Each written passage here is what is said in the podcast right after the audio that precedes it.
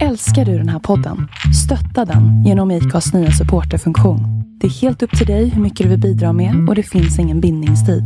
Klicka på länken i poddbeskrivningen för att visa din uppskattning och stötta podden. Ready to pop the question? The jewelers at BlueNile.com have got sparkle down to a science with beautiful lab-grown diamonds worthy of your most brilliant moments. Their lab grown diamonds are independently graded and guaranteed identical to natural diamonds, and they're ready to ship to your door. Go to Bluenile.com and use promo code LISTEN to get $50 off your purchase of $500 or more. That's code LISTEN at Bluenile.com for $50 off. Bluenile.com code LISTEN. What is the source?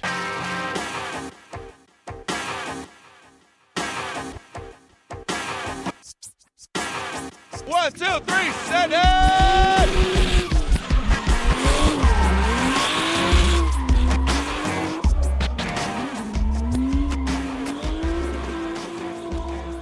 Välkommen till avsnitt 38 av Driftpodden. Idag har vi en mycket intressant gäst i podden, nämligen Magnus Bertling, Svenska Bilsportförbundets nya ordförande.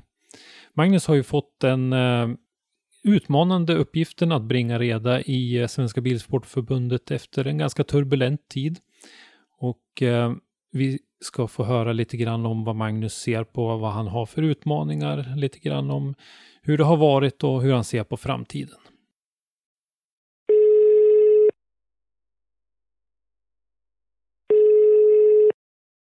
Välkommen till Driftpodden, Svenska Bilsportförbundets nya ordförande Magnus Bertling. Tack. Eh, jättetrevligt att ha dig med eh, och det ska bli spännande att höra dina sätt att se på en del olika saker här. Jag tänkte att vi skulle få höra både lite grann om, om dig och eh, vad du tror och har för förhoppningar om ditt eh, framtida arbete här inom förbundet.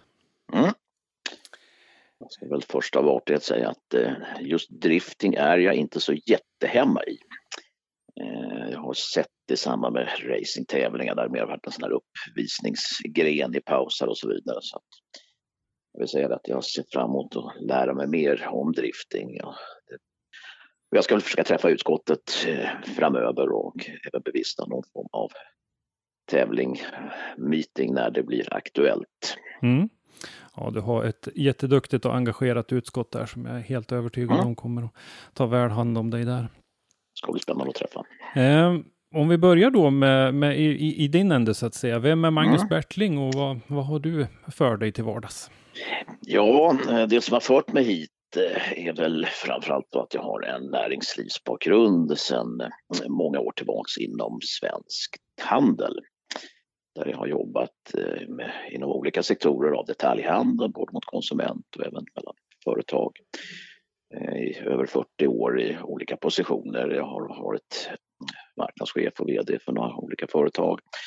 Eh, jobbat många år som konsult och nu under senare år mer och mer engagerat mig som styrelse, i styrelsearbete. Mm.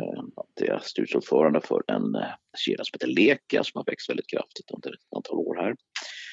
Eh, så det är min bakgrund och vad som har utmärkt specifikt de uppdrag jag haft, oavsett om jag varit anställd eller konsult eller suttit i styrelsen, det är att det har varit så kallade det har varit kedjeverksamhet, alltså utspridd över landet med, med olika lokala förutsättningar att tackla.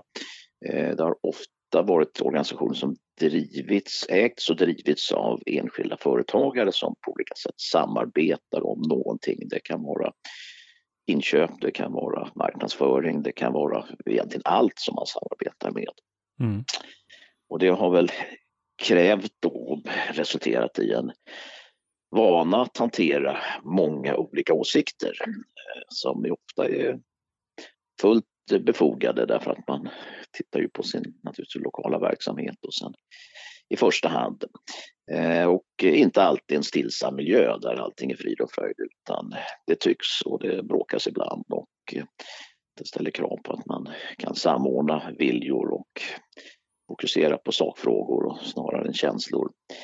Så att eh, det var väl det som jag tror valberedningen tyckte att det var en bra bakgrund mm. in i motorsportens och svensk bilsports lite komplexa värld. Ja, men det låter ju Absolut så, för här har vi ju, vi har ju dels eh, olika lokala förutsättningar som du pratar om och vi har olika sportgrenar som eh, samsas och drar lite åt olika håll i, i, i vissa fall. Så är det och jag tror man måste liksom, så kommer det alltid att vara heller, Mm. utan det handlar ju väldigt mycket om att enas kring alla de områden där det finns samordningsfördelar och sen att vi presenterar svensk bilsport mot så att säga samhället och våra supporter som en samlad kraft. Mm. Sen får ju varje, både om man är aktiv och varje supporter naturligtvis sen välja ut den eller de grenarna som man känner lite extra för. Men ja, och det är ju en av mina eh, huvuduppgifter, det är naturligtvis att hålla ihop bilsporten. Eh, Inte bara de grenar som finns idag, vem vet, det kanske finns ett antal grenar som vi inte ens vet om om några år. Mm. Och de ska också som jag ser det vara välkomna in i sporten. Mm. Absolut. Eh, nu, eh, det har ju inte gått så lång tid det här. Nu när vi spelar in det här så är det söndag och det är exakt en vecka sedan du blev vald. Det Eh, stämmer. Har du hunnit eh, ha lite möten med personal och, och utskott och, och sånt där för att sätta dig lite grann in i och lära känna människorna i det här? Absolut, absolut. Eh, nu kan man väl säga då också bara att eh, jag har naturligtvis också ända sedan jag var en liten grabb varit starkt motorsportintresserad. Eh, Jag tillhör de få som faktiskt var på plats på Anderstorp när Ronny Pettersson körde en gång i tiden. Eh, och det, det var så jag blev en hängiven motorsportfanatiker och sen har jag då följt motorsporten både på plats och via media här hemma och utomlands under många, många år. Men det är ur, ur, blivit- ur, ur åskådar-fan-synpunkt? Som supporter. Som supporter. Som supporter. Mm. Eh, några gånger har jag fått förmånen att prova på lite formelbilskörning och sådana här sponsoraktiviteter. Men det har inte resulterat i några större framgångar. Så att, In- Inga kontraktsförslag från något proffsteam? nej, de kommer inte direkt här. Mm. Jag, eh, när jag körde Formel Ford på Gelleråsen så var jag så där en 11 sekunder från att kvala in som siste man i SM. Mm. Så fick jag reda på av min instruktör. Så att eh, jag gör nog mer nytta eh, på annat sätt för svensk bilsport. Så att eh, vad jag ville säga bara det var att jag, inte- jag, jag var inte helt okunnig om sporten och den här processen fram till söndagens val då, den har hållit på sedan förra hösten. Ja. Där jag har träffat valberedningen och en del andra människor inom svensk bilsport och vi har sakta närmat oss den här, den här liksom stämman och Eh, så att jag har fått ganska mycket information men naturligtvis inte allt om, om förutsättningar för det här uppdraget. Men jag kan väl säga så här att de här sju dagarna har väl varit eh, kanske den vecka i livet där jag har fått mest mejl från nya kontakter eh, och även samtal och sms och så vidare. Och, men det har varit väldigt positiva samtal med förväntningar om att det ska hända mycket saker. Och, eh, jag har hunnit träffa personalen också ute på kansliet för börjat planera upp möten, eh, alltifrån allt distrikt till till olika opinionsbildare inom bilsporten som jag håller på att kartlägger. Det, det är mycket kvar naturligtvis och kommer ta tid innan jag har hunnit varvet runt. Men Mm det är en intensiv period som väntar framför mig. Men det har varit så här långt eh, en, en väldigt positiv och ett varmt välkomnande in i sporten, vilket känns bra. Mm. Jag skulle vilja säga det också att eh, personalen på kansliet är ju en, eh, en värdefull tillgång och de är alltid väldigt bra att ha att göra med när vi i media kontaktar dem. De är rappa och väldigt hjälpsamma i, i alla lägen så att vi kan skicka en hälsning till dem också.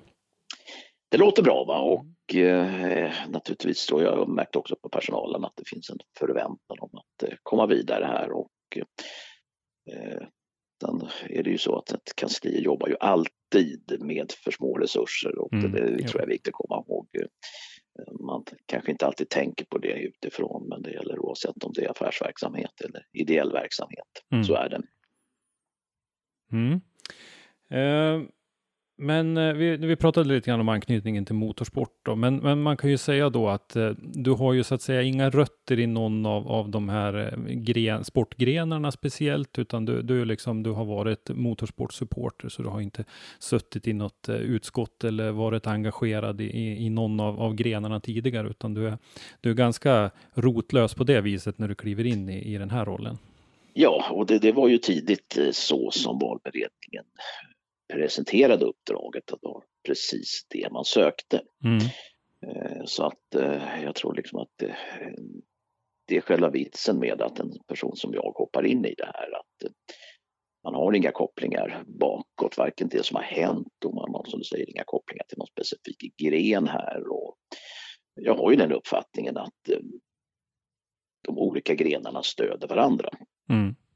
Menar, inom handel brukar man säga att handel föder handel och det är därför man har köpcentrum. Mm. Det är därför man lägger sig vägg i vägg även med sin värsta konkurrent, därför att det stimulerar konsumenten. Jag tror att det är lite samma sak med bilsporten här. Att eh, har vi många grenar samlade i ett gemensamt förbund så, så, så hjälper vi och stöder varandra, vi delar på resurser och jag tror också att intresset från supporterna spiller över sig. Men står man i rallyskogen så är det naturligtvis är man närmare att prova på en annan gren mm. Eh, när sommaren sen kommer än, än om man liksom det här är någonting helt separat organiserat. Mm. Absolut. Eh, vi pratade lite grann om, om eh, liksom, eh, bakgrunden, motorsportbakgrunden. Har du någon annan bakgrund inom eh, föreningsliv eller, eller den, den typen, någon annan idrottsbakgrund? Ja, eh, jag har ju två barn, en dotter och en son som både spelar innebandy och fotboll här och jag är då engagerad i båda dessa idrotter, både på så att säga, ren lagnivå som, som lagledare men också på styrelsenivå. Jag sitter bland annat i styrelsen för Djurgården innebandy och eh, kämpar i det arbetet naturligtvis med den ideella organisationens problem. Vi lutar oss ju nästan ja, vi lutar oss helt åt ideella krafter. Mm. Ehm, entusiaster som, som satsar tid och energi och oavlönat på att eh, få de här verksamheterna att gå runt. Sista halvåret har ju varit extra kämpigt med total frånvaro av publikintäkter. Därmed svårigheter att få sponsorer helt enkelt få ekonomi gå runt. Så det är en kamp och det är en kamp mot myndigheter. Att få tillgång till lokaler och planer och faciliteter och ja, naturligtvis också konkurrens mot andra sporter och idrotter. Så att eh, jag är inte helt o, oerfaren när det gäller liksom den ideella, ideella eh, organisationens vardag. Mm. Även om det här självklart är mycket större skala och, och betydligt mer komplext. Så är det ju, men samtidigt så ger det ju dig en, en förståelse för hur, mm. hur under eh, distriktsförbund och, och, och, föreningar har och driver sin verksamhet och det kan ju absolut vara nyttigt. Oh ja, eh, och eh, även om idrotten, eller vad säger motorsporten är väldigt, en väldigt specifik idrott, i och med att den är så utrustningsberoende så är det ju liksom samma drivkraft i botten. Det här mm. ska vara kul för de som utövar och det ska vara underhållande för eh, åskådarna och supportrarna och sen ska det förhoppningsvis ekonomiskt också åtminstone gå ihop. Mm. Så är det. Eh, det har ju utan tvivel varit ett ganska turbulent år i Svenska Bilsportförbundet på alla sätt och vis och eh, som du säger, det här har ju varit en, eh, en eh, vad ska jag säga, en, en, eh, någonting som har vuxit fram här under kanske närmare ett års tid. Men hur, hur gick tankarna när, när du fick frågan första gången från eh, valberedningen om att ta över rodret här? Ja, eh, och det började, jag kan säga att det började inte med, med en diskussion om att direkt gå in som ordförande utan det började med en diskussion att lite successivt gå in som, som, som ledamot och, och lära mig. Och det var så jag såg det i början här. Sen blev det lite skarpare läge genom att man då önskade ett skifte även på ordförandeposten. Och eh, det är klart att eh, jag hickade till lite av erbjudandets omfattning men eh, ganska snabbt kom jag fram till att eh, jag har ändå en, en erfarenhet av själva ordförandeskapet i en stor styrelse. Och eh, jag gissade och eh, är helt övertygad om att en liksom detaljerade kunskapen om både sporten och varje enskild gren. Den finns i överflöd. Min uppgift är mer att samla in den, kanalisera, organisera den och samordna den. Mm. Så att eh, själva ordförandeskapet i en, en komplex eh, organisation, den är jag inte jätterädd för egentligen. Utan det handlar mer om att förstå vad som är viktigt och kanske något mindre viktigt. Det handlar om att eh, få känslomässiga synpunkter och yttringar att bli mera så att säga, fakta och sakbaserade. Mm. Det är det jag ser som min huvuduppgift i nu har vi inte hunnit träffa styrelsen än, men vi ska ha ett styrelsemöte bara inom två veckor. Och, eh, jag hoppas att det kanske blir ett lite annat sätt att jobba inom styrelsen normalt när det nu kommer in en extern person, inte bara då motorsportfolk. Så att, eh, jag hoppas att det ska gå bra och eh, allting pekar på att eh, alla vill ha också ett lite annat arbetssätt. Mm. Ehm, den här, det här att du inte har någon bakgrund inom förbundet eller något av distrikten då, så att säga. Hur ser du själv på den? Ser du att det finns en risk att du inte kommer att bli accepterad ute i leden eller, eller känner, tror du att det är eh, övervägande positivt? Nej, jag är ju medveten om att jag är en outsider. Eh, jag måste ju bevisa att jag har eh, både att mitt arbetssätt kommer vara rätt och jag måste naturligtvis på ett övergripande plan lära mig de viktigaste eh, frågorna inom varje respektive gren. Mm. Det är jag helt övertygad om. Nu är jag ju ganska van, för jag har varit konsult i många år och jobbat inom alla detaljhandelns sektorer och det har varit allt från leksaker till dagligvaror till eh, Eh, elektronikprodukter så att då övar man också upp en vana att ganska snabbt komma in och bedöma en organisation, sortera upp eh, olika frågor i prioritetsordning. Och då hoppas jag ska komma till användning även inom motorsporten. Mm.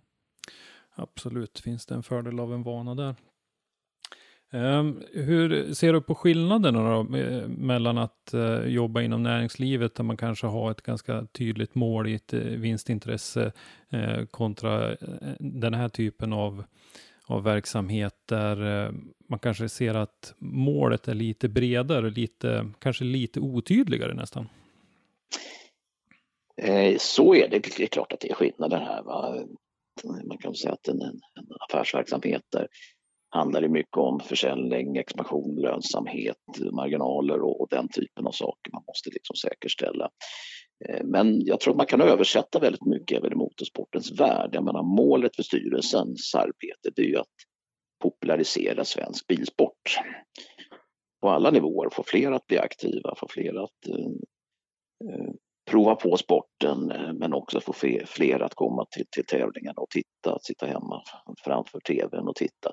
Det är också ett sätt att utöva motorsport. Så att det här med mål och att sätta upp lite siffror, att vi ska bli så här många fler och vi ska ha så här mycket tittarsiffror när det är ett tv-arrangemang. Det är ju egentligen inte så jättestor skillnad mot eh, om man driver en butikskedja. Mm. Nej kunder ramlar förbi butiken spontant och då gäller det att ta tag i dem, se till att de blir regelmässiga kunder och sen ska de bli stamkunder och sen ska de bli till och med ambassadörer som hjälper till att skaffa andra kunder. Mm. Likadant är det ju egentligen inom en, en, en idrott att eh, någon råkar slå på tvn och se någonting där kanske inte är så dumt.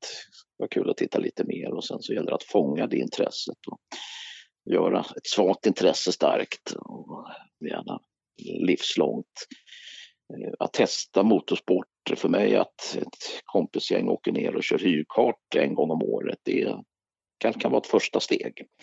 Det är en enkel motorsport och sen gäller det för dem att eh, kanske göra det oftare och sen kanske gäller det att få i alla fall några av de där killarna eller tjejerna att verkligen prova på eh, motorsport i lite seriösare skala. Mm. Så det är samma metodik egentligen. Sen är det lite andra variabler som, som sitter på de här målen. Mm.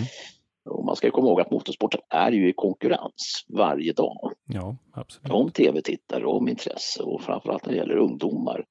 Och det tror jag är det viktigaste att titta på. Motorsporten har lite föråldrats när det gäller liksom utövare och publik.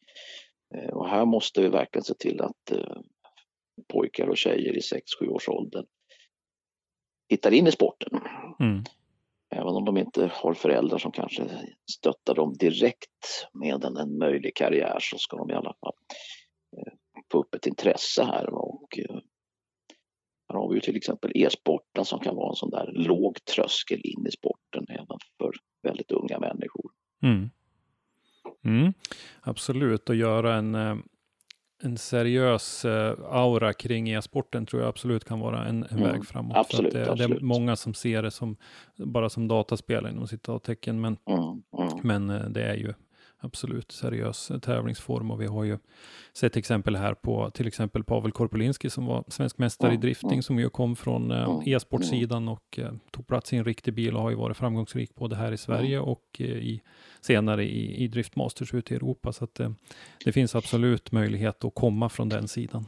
Ja, och det är viktigt att man inte ser det här som två isolerade grenar. Som det här ska ju samordnas och här finns ju fantastiskt spännande möjligheter att förlänga säsonger och utöka antalet tävlingar genom att eh, man också tävlar i e-sport och man kan kombinera team med både e-sportare och fysiska förare i spännande kombinationer. Så att här är det öppet för kreativa människor att hitta spännande lösningar. Mm. Och det här tycker jag att eh, SPF faktiskt har varit eh, med framme för att det har ju varit med på SM-veckan och det har varit mm, lite olika mm, sådana mm. grejer i e-sport. Så att jag tycker absolut att här finns det att bygga vidare på.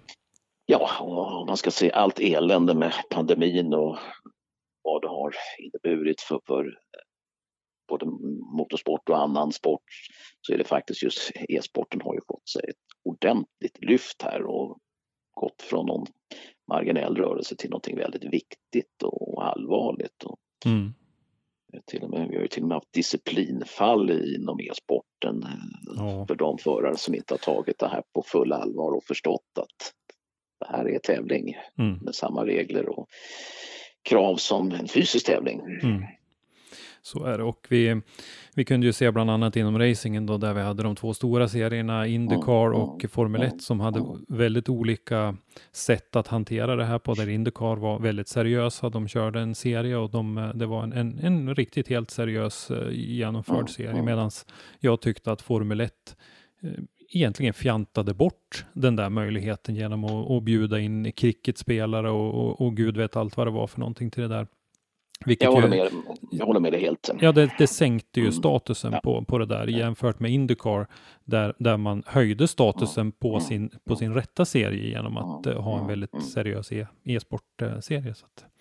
Absolut, va? och eh, det här är ju spännande att se. Jag vet, första gången jag uppmärksammade just det du tar upp nu, det var just när, när Formel E faktiskt eh, körde ihop professionella gamers och eh, hela seriens förare här. Va? Och eh, där såg man att vilken utmaning det var. Det var ju väldigt roligt att vi hade en förare, Felix, då, som gav de här professionella gamerna en riktig match in på mållinjen. Mm. Så att eh, här finns spännande saker att göra i framtiden och just det här som du tog upp här att få även folk att vandra från e-sport in i fysisk sport. Men det måste vi också hjälpa till med och skapa förutsättningar för. Mm.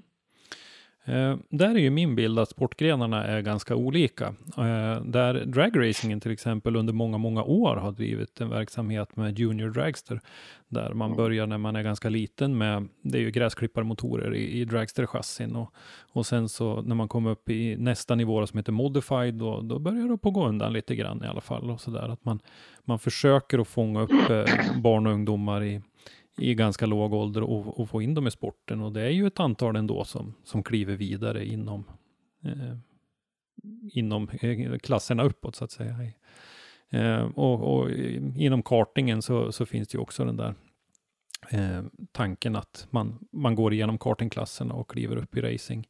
Eh, är det där någonting ni kommer att försöka uppmuntra mer från förbundets sida? Om vi ser rent till de aktiva och få in fler aktiva och få Absolut, och det jag vet ju, det pågår ju redan initiativ här, Bilsport och Tor och så vidare. Jag har inte satt mig in i detaljerna där. Va? Eh, den stora nyckeln i allt det här, det är ju just den ekologiska tröskeln att komma, komma fram.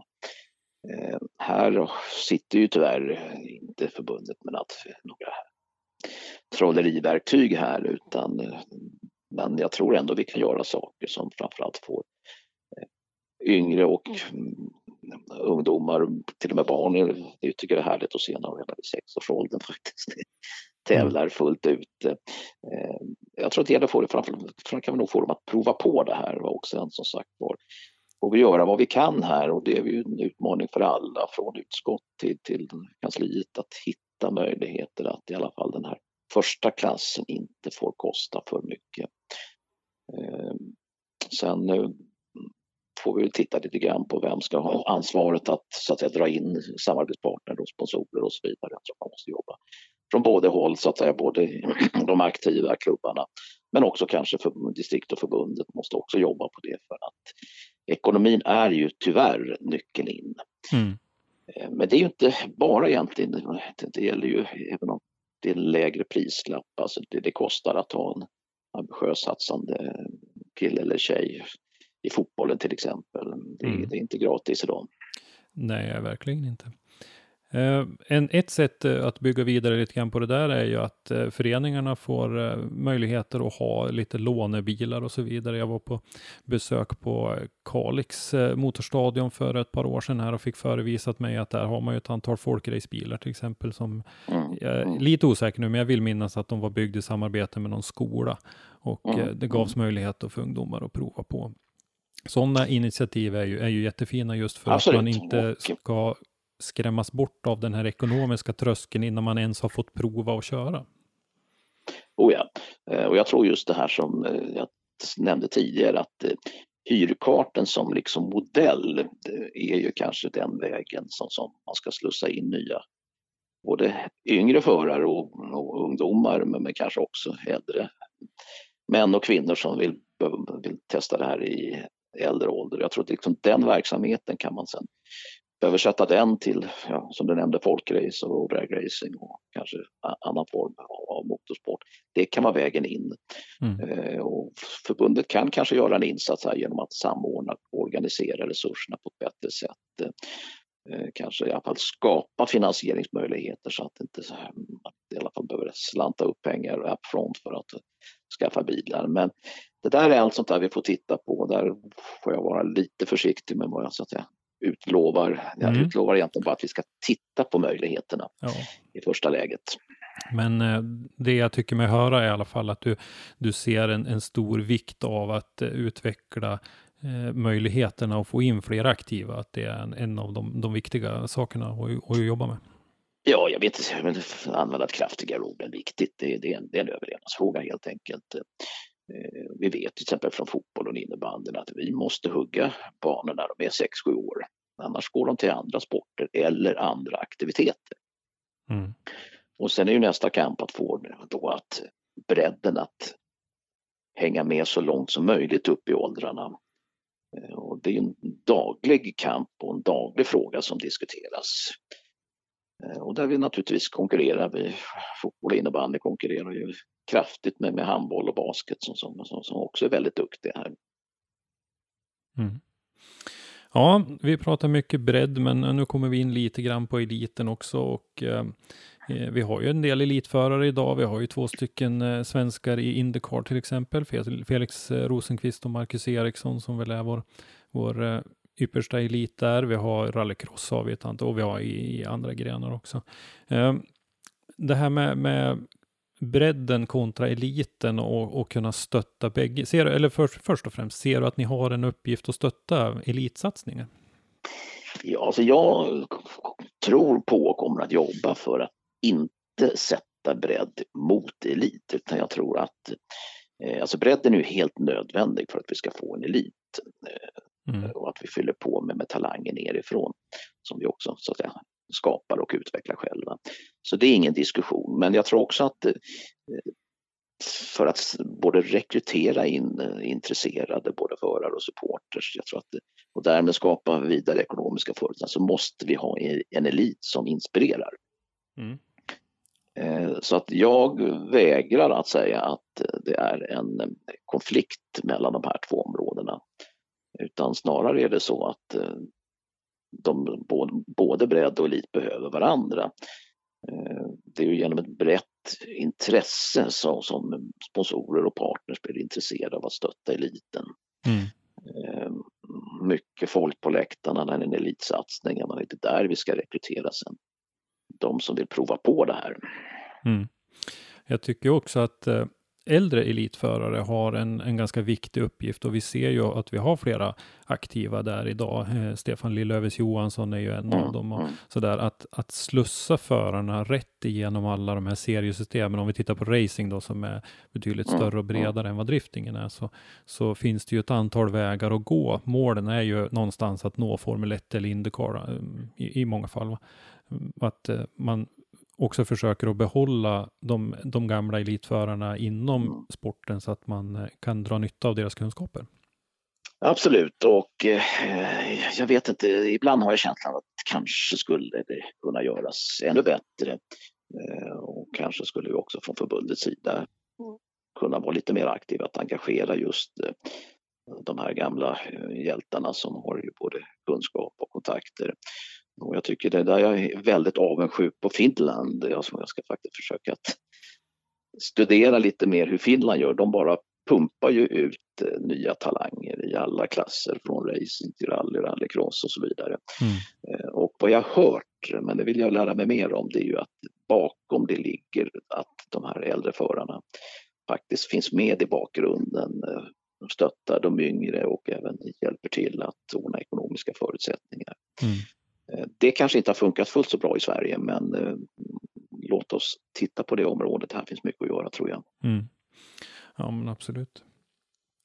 Ehm, jag som eh, rör mig mycket i, i olika forum, det är inte bara drifting, jag är som sagt lite intresserad av racing också, men, men mycket drifting är det naturligtvis.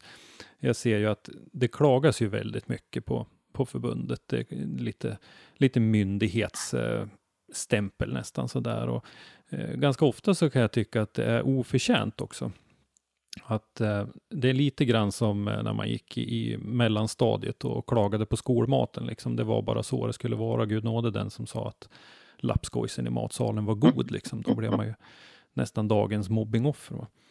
Eh, hur ska man jobba för att förändra den där synen på, på SBF och förstå att de medlemmarna och de eh, personerna som Eh, är väldigt kritiska mot SPF är ju själva en del av, av eh, rörelsen så att säga.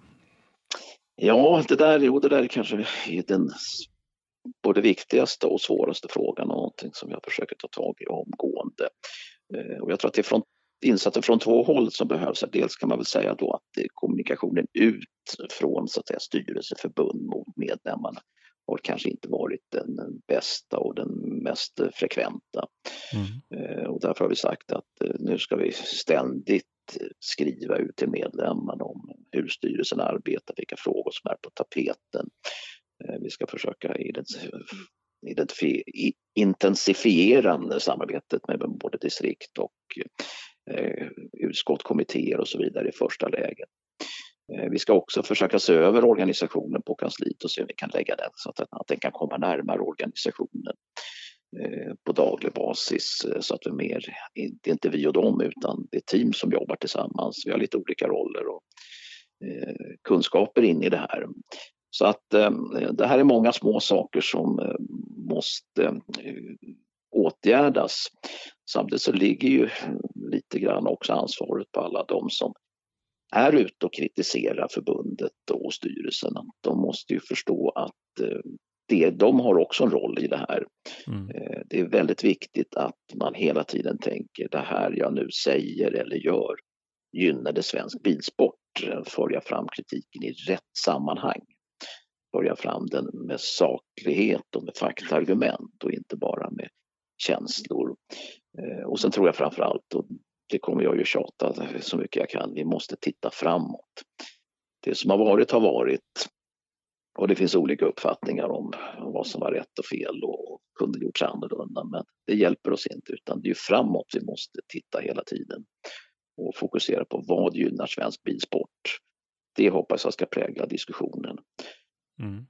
Men eh, det är ingen lätt resa men jag har redan börjat nu att skicka ut brev och så vidare för att bryta lite grann den här vi och de-känslan. Och eh, lite grann, jag fick många svar från eh, kända och okända personer inom bilsporten. Och, eh, de ser lite förhoppningar nu att nu ska vi nog lämna det gamla bakom oss. Och sen har ju alla sin lilla hjärtefråga som de tar upp och Jag kan bara säga att jag lovar att lyssna på alla argument.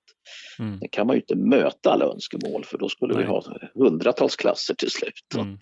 sprida ut våra resurser på ett sätt som framförallt supportrar inte klarar av att eh, fånga upp. Eh, och nu, blir- nu är det tuffa tider efter coronan så att vi kanske till och med måste koncentrera oss ännu mer. Mm. Men lyssna på alla argument ska vi göra så länge de är sakliga och eh, faktabaserade. Det kan jag utlova. Mm. Eh, vi har ju haft ett antal, kanske jag trampar någon på tårna här men som vi säger utbrytare. Det har ju bildats ett antal, eh, några i alla fall, eh, parallella verksamheter till SPF som eh, utger licenser och, och står för försäkring och så vidare.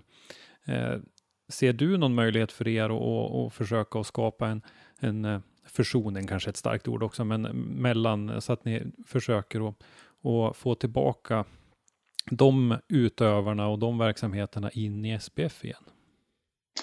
Ja, det är ju min högsta prioritet här och eh, det är också en av de första frågorna som kommer upp på det kommande styrelsemötet här. Att vi ska gå igenom varenda sån här utbrytarorganisation, eh, eh, försöka analysera varför det hände och sen så fort som möjligt få, ut, få upp en dialog med dem och redan faktiskt har det kommit ett antal mejl till mig direkt om, från organisationer som verkligen får igång en dialog. Mm. Sen är det ju ofta nere på tekniska frågor. Man tycker att om man gjorde reglementet si så skulle det bli lite billigare. Har man, och så säger för, har för, förbundet sagt, om jag förstår det rätt, ja men det har lite säkerhetsmässiga aspekter och så vidare. Och eh, jag kan väl se kanske en liten lå, onödig låsning från båda håll här. Mm. Eh, Det kan inte vara så att eh, en topplocks, dimensionerna på topplock liksom inte går att lösa på ett sätt som gör två parter nöjda. Mm. Eh, Jag har förstått att det handlar alltså om ganska trots allt små frågor. Det enda jag känner att jag är lite orolig för i den här debatten det är just att det finns lite olika syn på säkerhetsnivåer och där är jag nog av uppfattningen att här får nog förbundet inte vika ner sig. Helt enig. Däremot eh, det sportsliga och hur tävlingar ska skötas, kanske hur prissättningen på licenser och ser ut och allting som har med teknik och bilar. Där tycker jag att där ska man vara flexibel från båda håll och försöka diskutera fram en lösning. Men säkerheten vill jag nog säga att den, den måste vara helig och Mm. den måste man lägga åt sidan i alla sådana här. Sen kan jag omöjligt, jag kan ju, kommer ju aldrig heller att bli en expert på säkerhet, men, men jag kan ändå se till Mm. det finns ett anslag som gör att det här tummar vi inte på. Det finns sådana experter, jag lovar, som, som kan det där riktigt bra, in, in, både inom landet och utom. Men eh, Säkert, säkert. jag håller med, vi, vi pratar om att, att göra motorsporten attraktiv, synas i media, synas i Mm, rätt eh, sammanhang så att säga och att tumma på säkerheten och drabbas av allvarliga olyckor eller till och med dödsolyckor är ju eh, helt kontraproduktivt så att eh, det, Mm. det får ju helt enkelt inte hända så säkerheten måste stå högt på agendan. Ja, däremot tror jag alltså att till alla de här frågorna som du nämnde här, jag menar försäkringslösningar, det är självklart att en samlad svensk bilsport kan få en mycket bättre försäkringslösning. Och, sen får man kanske differentiera försäkring, vad den ska innehålla i, vissa lägen, men, självklart så, så, så finns det en skalfördel i det här. Eh, det är lätt att säga att vi hoppar av och startar ett eget förbund, men jag har ju varit med om samma sak inom detaljhandeln, att grupper har hoppat av. Men väldigt få av dem har ju klarat sig överhuvudtaget. Mm. Och i många fall så kommer man ju tillbaks till fadershuset efter ett tag. Eh, Det kanske behövs lite skiften på olika poster och här har vi ju en möjlighet i och med att jag ändå är ny in i det här. Och ser vi de här eh, inom, inom motorsporten, alltså splitten inom STCC, splitten inom Indycar för ett antal år sedan, var ju helt förödande för intresset Mm. Ja, absolut. supportrarna blir eh, konfusa, media blir tveksamma, där vi kan inte bevaka två sporter samtidigt. Mm. Sponsorerna ser ju därmed också att där intresset totalt sett minskar så att eh, det här, eh, en splittring har bara förlorare. Mm. Ja, så är det absolut. Och det, det ser vi ju lite grann när, när racingintresset i Sverige för ett antal år sedan var ganska koncentrerat till STCC. Mm, Så fan, då var det ju ett, ett, ett antal guldår där när det Mm, mm, verkligen inte fanns några begränsningar alls i vad man kunde satsa på. Så att säga. mm. nej, och det ska vi titta varför det, de guldåren försvann lite grann. Och, eh, jag nästan njöt ju när jag gick eh, på STCC-tävlingarna och, av hur professionellt det hade blivit eh, på kort tid. Och eh, lite synd då att, att vi tyvärr är tillbaks några steg. Även om den lite mindre serie vi har i år ser ju trots allt ganska spännande ut. Så att det kan bara gå uppåt. Mm. Ja, vi har eh, pratat om att se framåt. Eh, hur ser du på motorsportens framtid eh, närmaste tiden inom fem år och inom tio år så att säga? Vad, vad tror du att de stora utmaningarna är och vad tror du att vi kan få åtnjuta för stora framgångar? Så att säga? Ja, alltså den, den, kan man säga, den, den utmaning som ligger i grunden för allting är naturligtvis att på alla nivåer förbundet självklart, men också i klubbar och annat, se till att man har en rimligt stark ekonomi. Och inte då lever bara på marginalen och hoppas att det kanske ska gå plus minus noll utan att man ändå har förmåga att bygga upp en, en viss form av reserver för till exempel sådana här år som händer i år. Mm. Med oväntade intäktsbortfall. Eh, sen har vi några givna utmaningar. Vi har pratat mycket e-sport som eh, man egentligen bara kan säga att det är bara en möjlighet. Det gäller bara att kanalisera intresset på ett rätt sätt och få folk att förstå trots allt. Så att, eh, det kan bli, tror jag, en drivkraft för även annan motorsport, men det har vi ju avhandlat. Sen har vi en annan fråga, det är ju liksom elektrifieringen av bilen. Mm. Som vi står inför här och eh, jag hoppas ju att eh, motorsporten i Sverige kan vara lite proaktiv i den processen. Eh, inte komma sist och inte hamna på efterkälken utan att vi kan driva elektrifiering i den takt som vi klarar av. Det här kan ju upp, ja, vi får bort argument som ljudnivåer och utsläpp vilket gör att vi kan köra tävlingar in i städerna i princip eh, obegränsat om vi bara klarar andra saker. Eh, vi kan kanske knyta helt nya samarbetspartners till oss. Jag, menar, jag vet ju sponsorer som bara principiellt sagt att vi stöder aldrig idrott som släpper ut ja, miljöfarliga saker på något sätt. De kan kanske lockas in i sporten igen. Mm. Eh, så att eh, hela elektrifieringen både på elitnivå men, men också på breddnivå här kan vara intressant och, och bidra till att stärka och utveckla sporten. Sen kan jag väldigt lite om det här och det är väl så att ingen riktigt kan det här fullt ut utan här ska vi, tänker jag, att vi ska sätta igång ett utredningsarbete ganska snabbt här och samla in all den kunskap som finns om den här frågan och också jobba med utskotten och respektive gren att se på vilket sätt påverkar det eh, de olika sportgrenarna. Mm. Eh, och se till att vi liksom får fram en handlingsplan att eh, så här ser svensk bilsport på elektrifieringen de här initiativen kommer att komma och den här tidplanen jobbar vi i alla fall med preliminärt. Mm. Så det är en bit. Eh, sen naturligtvis det är mycket av det vi har varit inne på. Eh, nå ut till storstäderna där man inte har ett trippelgarage med fulla möjligheter att bygga och mecka bilar utan då är vi tillbaka till det här med att hyr, hyr, kunna hyra din tävlingsbil ute på banan kanske. Nya, vi har ju stora grupper i samhället som tyvärr inte alls är i närheten av att kunna prova på bilsport på grund mm. av ekonomi och kanske lite kultur. Där har vi också ett jobb att göra. Vi har ju eh, fortfarande en stor dominans av män och kvinnor, vad säger män och pojkar i eh, sporten. Eh, det kommer mer och mer tjejer och vi, de är duktiga också men det ska vi naturligtvis också jobba för att eh, öka. Mm. Ja, det vi, tittar vi där så finns det väl en ganska liten etnisk spridning också när vi tittar i svensk mm. bilsport idag, är, min bild i alla fall. Ja, därför tycker jag det är fantastiskt roligt just att eh, ett, det motsägs ju då av exempelvis han, vår, vår unga talang Dino som, som kör för Ferrari. Det är mm eller i alla fall akademin där nere, det är väl ett exempel på liksom att det finns bara intresset och passionen så betyder varken kön eller etnisk bakgrund någonting. Mm. Ja, en, en stor talang som vi kommer att få nöjet att följa många år framöver tror jag. Dino Beganovic.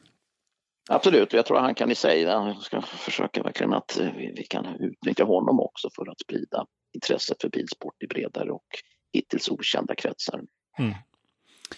Uh, en, en av utmaningarna som jag ser är ju det här med miljön. Uh, det är ju fler och fler banor som får problem med uh, miljötillstånd, det är bullerdagar, det är höga ljud genom driftingen eh, drivs ju faktiskt eh, nästan lite mer problem i de lägre klasserna där det inte är mm. motorljudet som stör utan det är eh, däck, däckskriket så att säga, någonting man får bort när man kommer upp i klasserna. Så att eh, där, där tror jag också att förbundet har en, en, en roll att försöka stötta ja, åtminstone de klubbägda banorna och få eh, kunna behålla sina tillstånd åtminstone. Ja, och det är ju tyvärr så att alla medborgare, förstå, opinionsbildare och även beslutsfattare förstår ju kanske inte idrottens så att säga, viktiga sociala eh, Eh, funktion. Eh, I fotbollen har vi ju det här, jag vet inte om du känner till det, det här problemet med Brovallen, alltså där ett fåtal grannar försöker stoppa ungdomsverksamheten i en av Sveriges största fotbollsklubbar. Eh, på grund av att de helt enkelt säger sig störas av skrik och applåder. Mm. väldigt o, det är väldigt oskyldigt men likväl där så finns det ju ett, ett, en handfull personer som har drivit det här nu upp i hovrätten och, och gör allt för liksom att sätta ett prejudikat här vad det kan få fasansfulla effekter för bara svensk ungdomsfotboll här att mm. Eh, vi inte kan träna efter klockan åtta och det måste byggas bullerstängsel runt varenda fotbollsarena och så vidare. Så det här är ett, är ett vidare problem att få acceptans för, för att idrotten är viktig och eh, man måste faktiskt i ett samhälle lite grann stå ut med, med enstaka störningar och här får vi väl jobba också lite grann med Riksidrottsförbundet som vi ingår med. Mm. Så det här, det här är en stor fråga och Ehm, vad vi kan göra från förbunden naturligtvis. Jag vet att det har gjorts en hel del kontakter med, med politiker och myndigheter eh, och det måste vi naturligtvis fortsätta med så, så långt vi kan. Nu är ju de kontakterna väldigt mycket kretsande kring coronaeffekterna med publik eh, och långt ifrån lösta. Mm.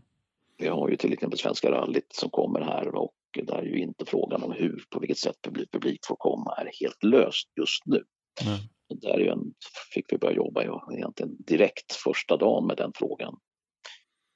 Mm. Så att eh, vi vad vi kan här och eh, här måste ju alla goda krafter samordna sig och hjälpa till och just det gör ju att, att dessutom sen hålla på med diskussioner av interna konflikter, det har vi liksom inte tid och råd med. Nej. Så är det absolut. Eh, opinion, opinionsbildning, eh, media pratar vi om. Eh, här tycker jag också att eh, SPF faktiskt har varit eh, en, en bit eh, framåt och legat i framkanten då. Vi pratar lite livestreams till exempel. Eh, vi på Driftzone har ju stöttat driftingutskottet med livestreams ifrån SM, sen, eller från SM-serierna 2017 och 2019. 2018 var det ett annat bolag som hade det. Eh, utskottet har jobbat jättehårt för att eh, få spridare på fler plattformar än bara eh, SPF Play som är SPFs egen plattform. Vi har kört på Facebook, haft väldigt mycket tittare där och så vidare. Eh, hur ser du på den biten och, och jobba vidare med det? Känns det som någonting prioriterat och, och, nå ut och göra Absolut, det lättillgängligt? Absolut, va? och eh, det är som du säger, va? här gäller att jobba på många olika kanaler. Eh, jag ser ju på, på den korta tid jag varit att det har tagits många bra initiativ. Eh, det sänds från alla möjliga serier här. Va? Eh, kanske möjligen är bilden lite splittrad. Man får hoppa mellan olika eh, så där, plattformar. Men vision jag har utan att kunna säga hur den ska se ut det är liksom att man skulle kunna samla egentligen all motorsport i en enda plattform. Eh, naturligtvis uppdelat på det som är elit och kräver lite redaktionella inslag och det som är ren gräsrotsnivå som kanske bara sänds rakt ut eh, på enkla sätt. Men lite mer samordnat grepp kring det här tror jag är viktigt och eh, det är nog så att vi kan inte lita på att SVT intensivbevakar motorsporten på det sättet man har gjort tidigare utan vi måste kanske i större utsträckning ta den här saken i egna händer. Mm. Sen ska naturligtvis vissa, eh, ska vi fortsätta att få ut sändningar i så många andra kanaler som möjligt. Men en samlad eh, bilsport-tv-app med, där alla sporter finns representerade och eh, som är lättillgänglig för tittarna där man inte behöver logga in fram och tillbaks med lösenord hit och dit utan och sen att hitta en, en, en ekonomisk bärighet i det här naturligtvis där delar är gratis utan kostnad men, men andra delar kanske kostar någonting men, men då att man samordnar det också mellan grenarna. Jag tror mm. ingen ändå vill, ingen tecknar tio olika abonnemang Nej. på streamingtjänster utan så. det är bättre att samla ihop det här och sen så får man titta på en, en ekonomi, ekonomisk modell och mm. debiteringsmodell som, som, som lite mer samordnad. Mm. Och det här, men det här är, jag ser också det att det är lite krångligt och bökigt men det är också möjligheter. Jag menar, nu försvinner tablå-tvn snabbt från de flesta hushåll och vi tittar i mobiler och på plattor och på ställen och på tider som, som, som, som passar var och en. Mm. Eh, och eh, jag satt igår när jag på en middag här var lite tjuvtittade på min mobiltelefon på Indycar här. Mm. Det var väl inte sådär jättepopulärt bland de övriga men det är bara ett, ett exempel på att eh, det var i alla fall bättre än att jag tackade nej till middagen och satt ja. hemma och tittade. Så att, jag har suttit på ett dop och tittat på drifting jag också. Så att, ja, då, så, att, så det här media är, är, lite krångligt, bökigt, det finns lite tekniska utmaningar, det finns ekonomiska utmaningar. Det här med rättigheter är också lite rörigt och här kan vi kanske behöver vi nog rätta upp det där så mycket som möjligt men framförallt förenkla tittandet och få mm. ner trösklarna. Det, det, det är nyckeln i det här. Mm. Och det kan ju också vara ett sätt att, att introducera nya, eh, nya och lite ovanliga sporter in genom att få ihop det i ett sammanhang. Mm.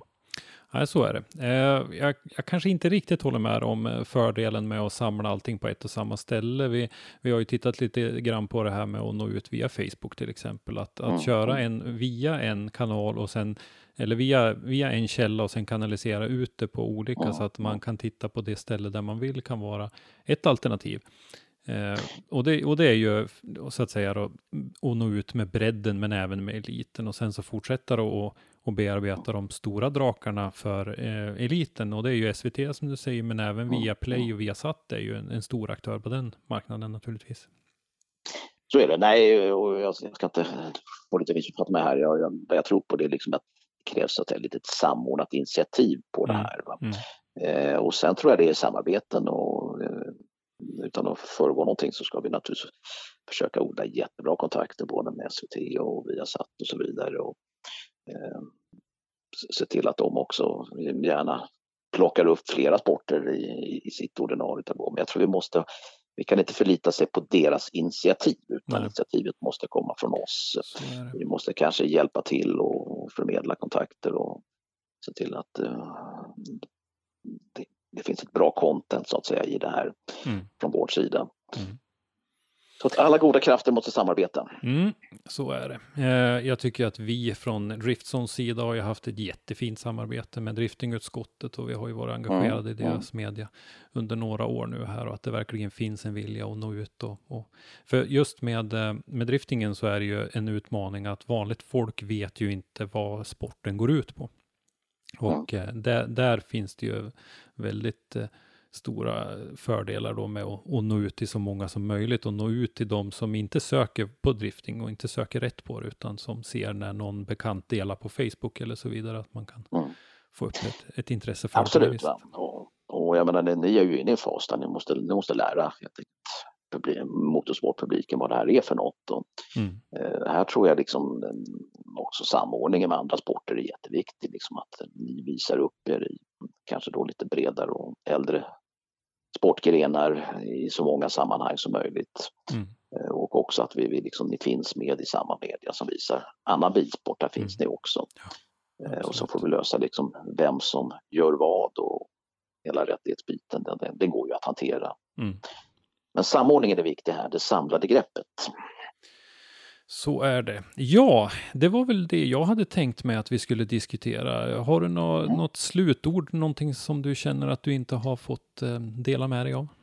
Nej, det är inte mer än att som sagt var jag kan mer eller mindre om de olika grenarna och jag får tyvärr medge att driftingen är ett område som jag inte kan så mycket om men jag ser framför mig att få lära mig mer om det och jag hoppas att eh, drifting aktiva och utskott och alla de som är involverade verkligen känner sig som en integrerad del av svensk bilsport och så utifrån det så ska vi utveckla och samordna och stärka varandra. Det är mm. väl mina slutord. Mm. Ett jättetack till dig Magnus Bertling för att du ställde upp i den här intervjun i Driftpodden. Ja, tack själv. Det var jättekul att vara med och eh, ni var nästan av utskotten det som, den gren som var snabbast ut och kontaktade mig så att jag uppskattar också initiativet ni tog här. Ja, men med det så säger vi tack så mycket och eh, så hoppas vi att vi ses och hörs vidare ute på banan. Absolut, mm. jag ser fram emot det. Mm. Tack så du ha tack och fortsatt trevlig söndag. Detsamma. Hej. Tack, tack. Hej, hej. Tack för att du har lyssnat. Lyssna gärna på våra tidigare avsnitt och glöm inte att ge oss betyg i din podcastapp. Följ oss gärna på sociala medier. Vi heter Driftson på de flesta plattformar. Medverkade idag gjorde Magnus Bertling, programledare var Christer Hägglund. Driftpodden är en produktion från Driftzone och produktionsåret var 2020.